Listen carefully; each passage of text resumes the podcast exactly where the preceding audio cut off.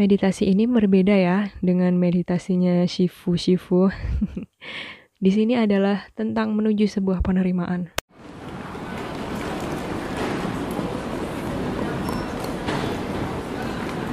Attention, you're now listening to Boy vs. Girl podcast.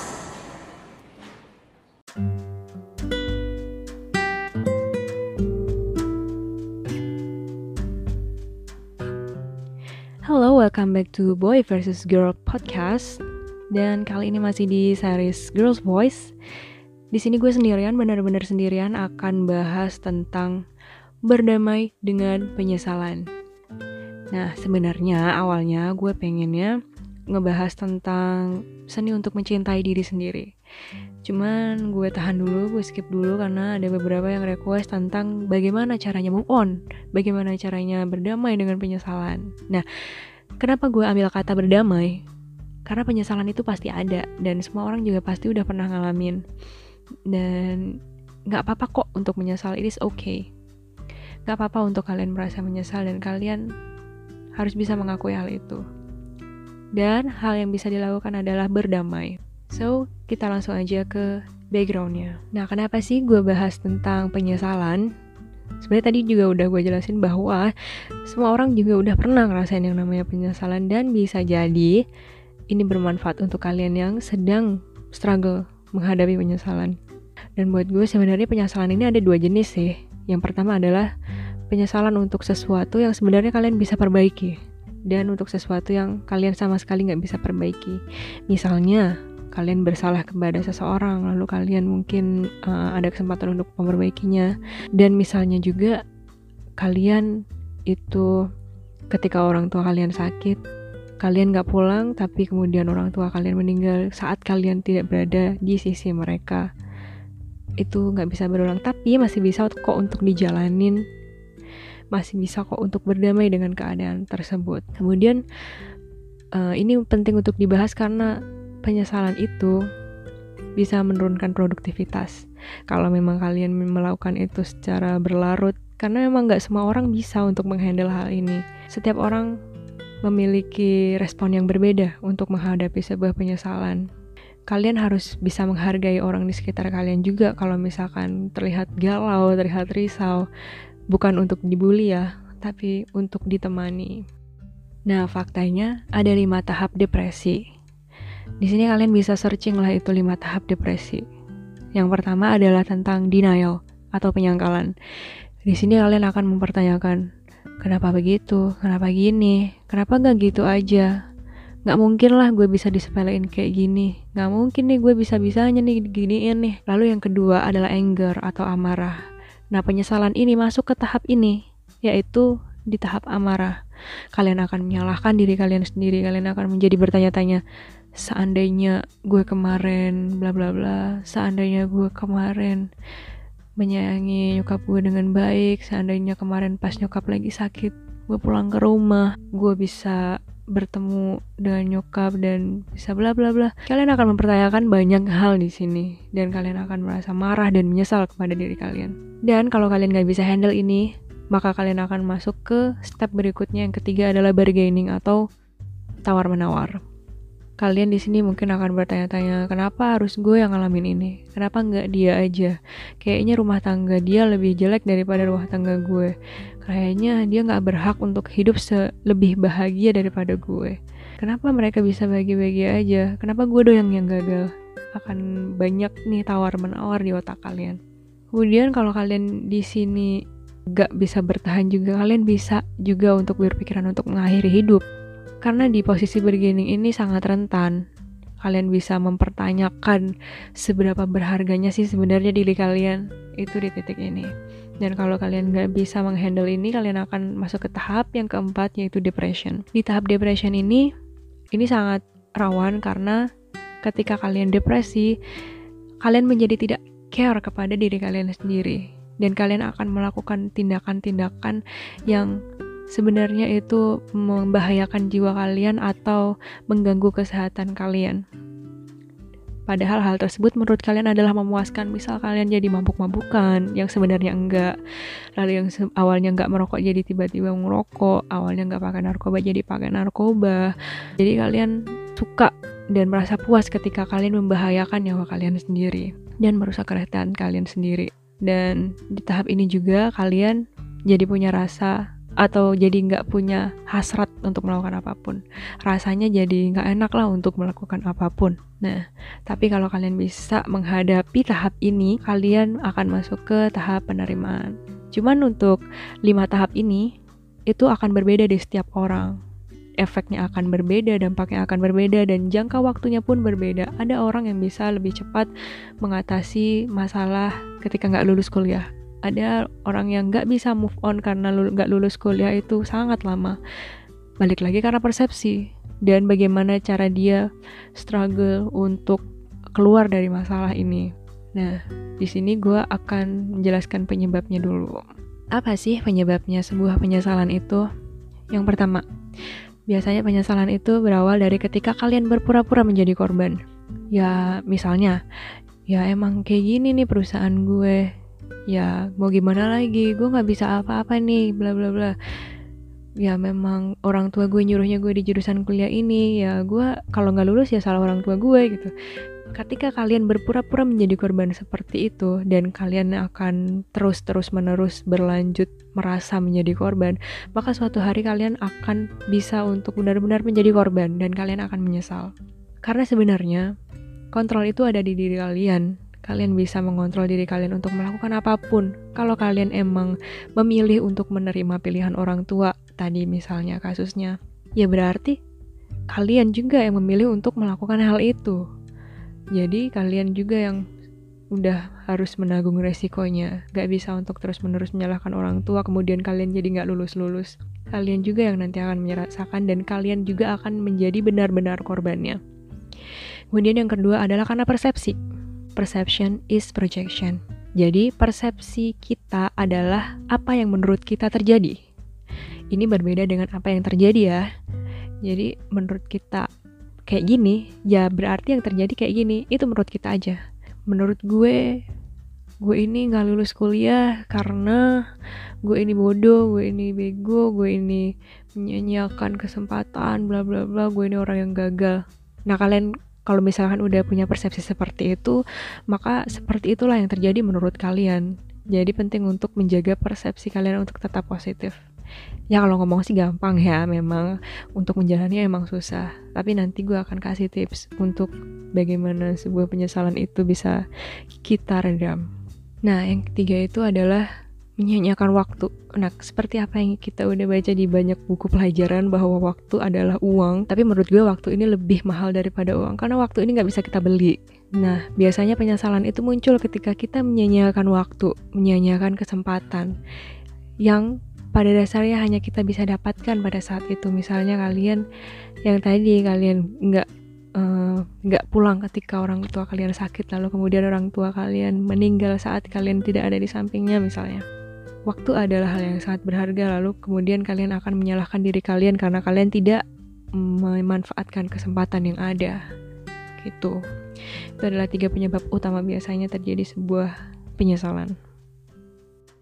Nah, kemudian gue akan bahas tentang penyelesaiannya. Untuk semua penyelesaian yang gue sampaikan ke kalian ini nanti, ini udah pernah gue lakukan dan menurut gue ini sangat manjur dan ini sangat cocok untuk gue dan di sini gue akan sharing. Yang pertama adalah tulis fakta-faktanya. So kalian akan membutuhkan kertas dan pulpen. Kenapa nggak di HP aja? Karena menurut gue uh, kertas dan pulpen ini lebih lebih bisa hanyut ke perasaan kita. So kalian ambil kertas dan pulpen dan tulis apa yang sedang terjadi kalian harus tulis ini seobjektif mungkin. Gunanya apa? Sebenarnya ini adalah berguna untuk menjaga persepsi kalian untuk tetap logis. Jadi kalian akan berpikir uh, tentang right here and right now. Apa yang sedang terjadi di sini dan saat ini. So kalian tulis uh, kalian bisa bertanya di situ misalnya apa yang terjadi kalian tulis uh, yang terjadi adalah bla bla bla. Lalu kemudian apa yang kalian pahami dan gak kalian pahami? Siapa aja yang terkena dampak dari uh, kesalahan yang kalian lakukan? Apa yang bisa kalian kendalikan dan gak kalian bisa kendalikan?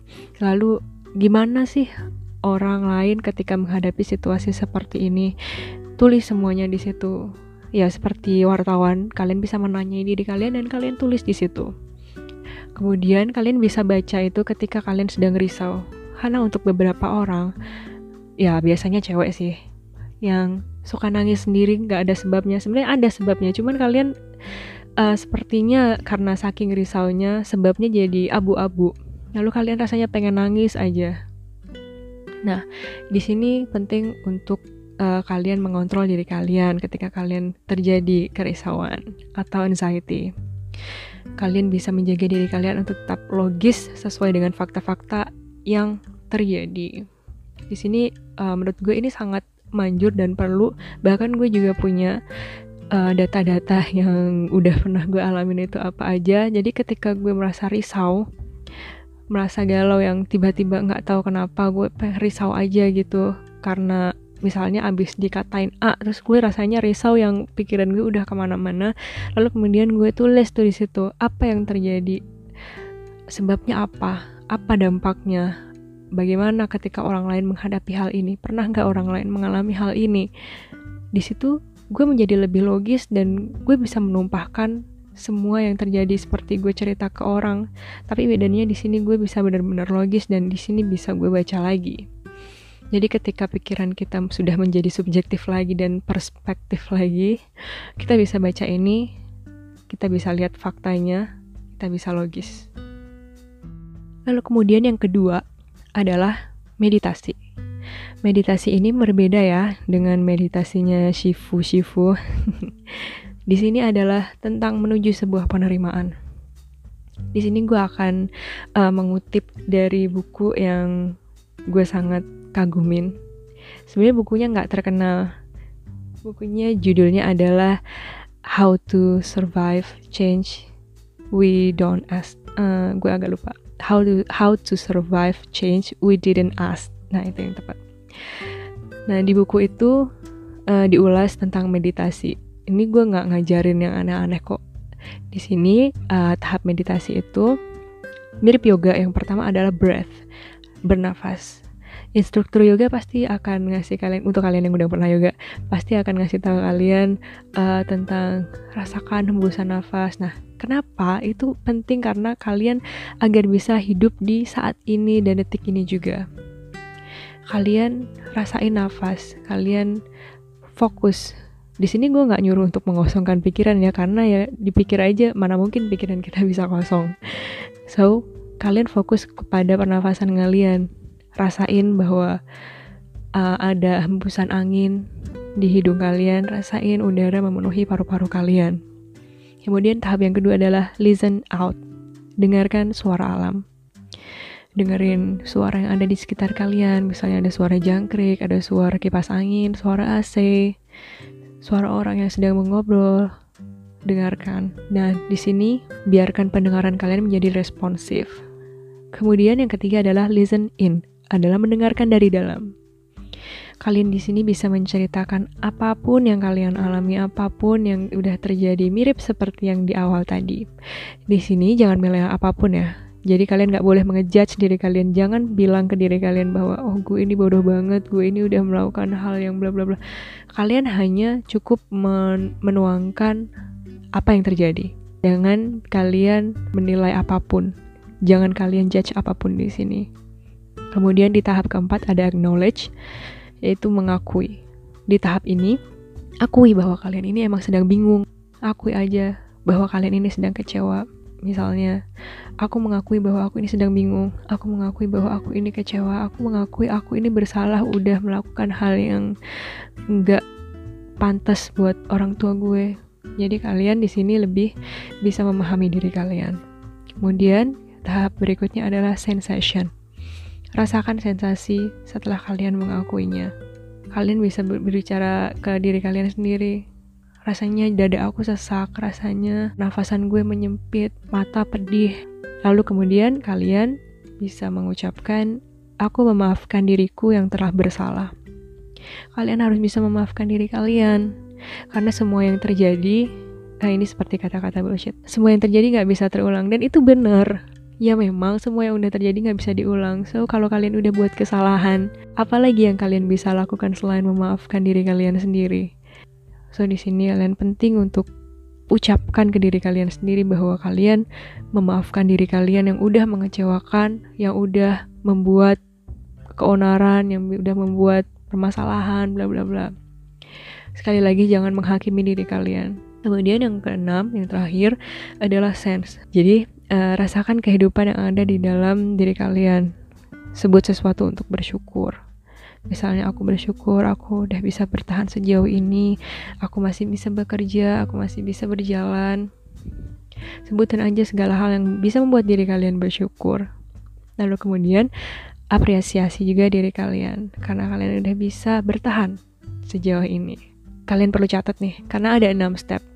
Yang pertama breath, listen out, listen in, acknowledge, sensation, dan sense. Di sini mungkin kalian bisa dapetin tips untuk meditasi itu di tempat lain.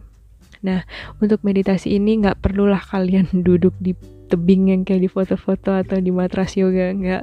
Yang penting di mana aja kalian merasa nyaman. Misalnya kalian bisa sambil tiduran, bisa sambil duduk. Karena meditasi, meditasi ini adalah tujuannya untuk menuju sebuah penerimaan dan kalian bisa menjadi lebih dekat dengan diri kalian sendiri, kalian bisa lebih mengenal diri kalian sendiri dan memaafkan semua kesalahan yang kalian perbuat. Kemudian di tips yang terakhir gue akan ngasih tips tentang memotivasi diri. Nah, ini penting karena ini adalah ibaratnya step terakhir yang kalian bisa lakukan agar kalian bisa bertahan. Yang pertama, pakai kertas dan pulpen lagi, kalian catat pencapaian apa aja yang udah dilakukan. Ini benar-benar gue lakukan gue tulis tuh gue udah pernah dibully dan gue bisa bertahan sampai tiga tahun. Gue bisa berprestasi ketika yang lain udah meremehkan gue bla bla bla. Tulis semuanya di situ. Tulis semua pencapaian sekecil apa pun pencapaian. Aku udah bisa membuat kepala sekolah menjadi tersenyum atau bla bla. Sesuatu yang membuat kalian merasa puas di waktu-waktu dulu. Coba ingat-ingat lagi deh. Buka-buka memori lagi. Pencapaian apa yang udah kalian lakukan Kemudian yang kedua adalah cerita ke orang terdekat. Nah, bisa disebut dengan curhat. Curhat ini penting kenapa? Selain bisa untuk menumpahkan permasalahan kalian, perasaan kalian, di sini kalian juga bisa melihat persepsi orang lain. Karena balik lagi, yang udah gue bilang tadi, perception is projection.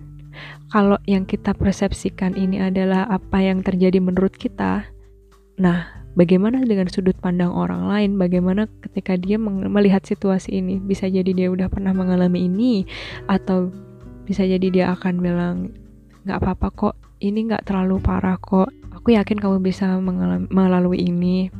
Nah dengan kata-kata dengan persepsi-persepsi lain kalian bisa lebih mengenali kejadian yang terjadi. Kalian bisa lebih objektif.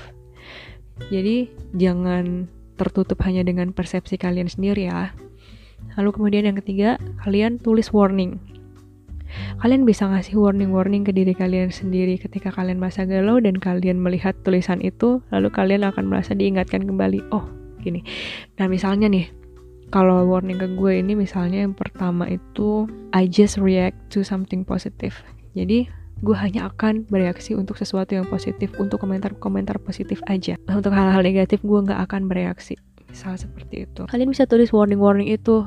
Kalian bisa hiasi ya tempel di kamar. Jadi ketika kalian baca kalian bisa menjadi lebih termotivasi dan kalian menjadi ingat oh seharusnya gue nggak kayak gini nih.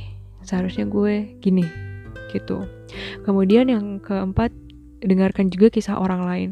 Jangan tertutup dengan diri kalian aja karena hidup tuh nggak melulu tentang kalian aja. Kalian coba dengerin kisah orang lain Dulu ketika gue pas lagi down karena sesuatu hal, gue mendengarkan kisah orang lain tuh. Salah satunya adalah tentang seorang ibu yang dia punya tiga anak yang sebelumnya dia hanyalah ibu rumah tangga biasa dari orang dari suami yang kaya raya. Tapi kemudian dia bercerai dan dia harus struggle hidup untuk menghidupi ketiga anaknya dan gue udah gak bisa bayangin lagi betapa dia deal dengan kehidupannya dia tapi dia bisa bertahan. Dan itu memberikan motivasi ke diri gue. Kemudian yang penting lainnya adalah hindari jam-jam kritis. Yang gue maksud jam-jam kritis di sini adalah jam-jam kalian biasanya galau. Misalnya kalau gue sih sebelum tidur Nah, sebelum tidur itu adalah hal yang jam-jam yang sangat-sangat rentan. Dulu ketika sedang mengalami sebuah depresi bisa sampai satu jam itu nangis-nangis sendiri. Nah, di sini tipsnya adalah kalian bikin komitmen ke diri kalian. Kalian persempit jam tersebut. Kalau bisa. Jadi misalnya awalnya satu jam nih. Uh, untuk satu minggu ke depan gue hanya akan galau 15 menit gitu kalian bikin komitmen sendiri kalian hanya kasih waktu segitu karena menumpahkan perasaan itu perlu juga gitu di sini gue juga akan bilang bahwa kalian kalau bisa sibukkan diri tapi untuk mengalihkan perasaan itu nggak bisa terus menerus ada saatnya kalian harus menumpahkan itu Nah, hanya waktunya dipersempit aja. Yang awalnya satu jam bisa menjadi setengah jam, bisa menjadi 15 menit.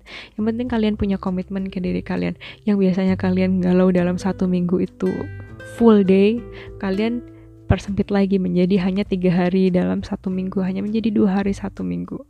Ini kasusnya kalau misalkan kalian mengalami depresi yang cukup berat ya. Nah kemudian kalian juga bisa menjalani hobi kalian. Untuk kalian yang udah tahu hobi kalian ya. Untuk kalian yang belum tahu hobinya kalian bisa cari-cari kalian bisa coba-coba. Nah, di hobi ini kalian ketika mengerjakan hobi kalian, harapannya adalah kalian menjadi fokus ke hobi kalian. Jadi kalian pikirannya nggak terpecah lagi nggak mikirin itu lagi. So ketika kalian sedang senggang atau sedang uh, jam-jamnya pokoknya jam-jam rawan itu adalah jam-jam senggang juga. Jadi kalian bisa isi itu dengan hobi kalian. Nah itu semua adalah tips-tips dari gue. Dan gue harap semoga kalian bisa menangkap maksud yang gue kasih bisa menangkap dari inti-intinya. Gue ulangin lagi yang pertama adalah tulis faktanya untuk menjaga pikiran kalian untuk tetap logis. Kemudian yang kedua adalah meditasi. Itu ada 6 step. Yang pertama breath, listen out, listen in, acknowledge, sensation, dan sense. Kemudian yang terakhir adalah memotivasi diri kalian sendiri. Gue udah pernah mengalami hal-hal yang membuat gue down, yang menurut gue itu adalah sangat menyakitkan dan untuk saat ini gue berpikir oh ternyata nggak semenyakitkan itu. Karena itu sebenarnya persepsi aja berkat uh, tips-tips yang udah gue kasih tahu ke kalian itu juga gue bisa lepas dari hal-hal tadi gitu. Dan ini semua gue dapetin dari buku. Jadi gue membaca satu buku. Nah ini juga salah satu yang um, bisa melepaskan gue dari kerisauan atau anxiety itu juga buku ini. Nah, si buku barusan yang gue sebutin tadi ini, uh, ketika gue selalu baca si buku itu, gue ngerasa gue menjadi fokus dan gue menjadi pikiran gue menjadi lebih terbuka. Jadi ketika gue sedang sedih, gue baca buku itu. Ya sebenarnya bukunya biasa aja gitu. Sebenarnya sih ya seperti buku self improvement yang lainnya. Cuman uh, ketika gue lagi sedih dan gue baca itu, gue menjadi semangat lagi dan mungkin kalian bisa menemukan buku kalian sendiri atau video atau hal-hal yang kalian lebih senangi gitu. Gue berharap kalian bisa terlepas dari penyesalan. Gue berharap kalian gak masuk ke depresi yang lebih dalam. Semoga kalian bisa menerima dan memaafkan diri kalian sendiri. Oke gitu aja podcast gue kali ini. Kalau misalkan ada pertanyaan atau ada concern lain kalian bisa DM di Instagram. Semoga kalian bisa menyelesaikan permasalahan kalian ya. See you next episode. Bye bye.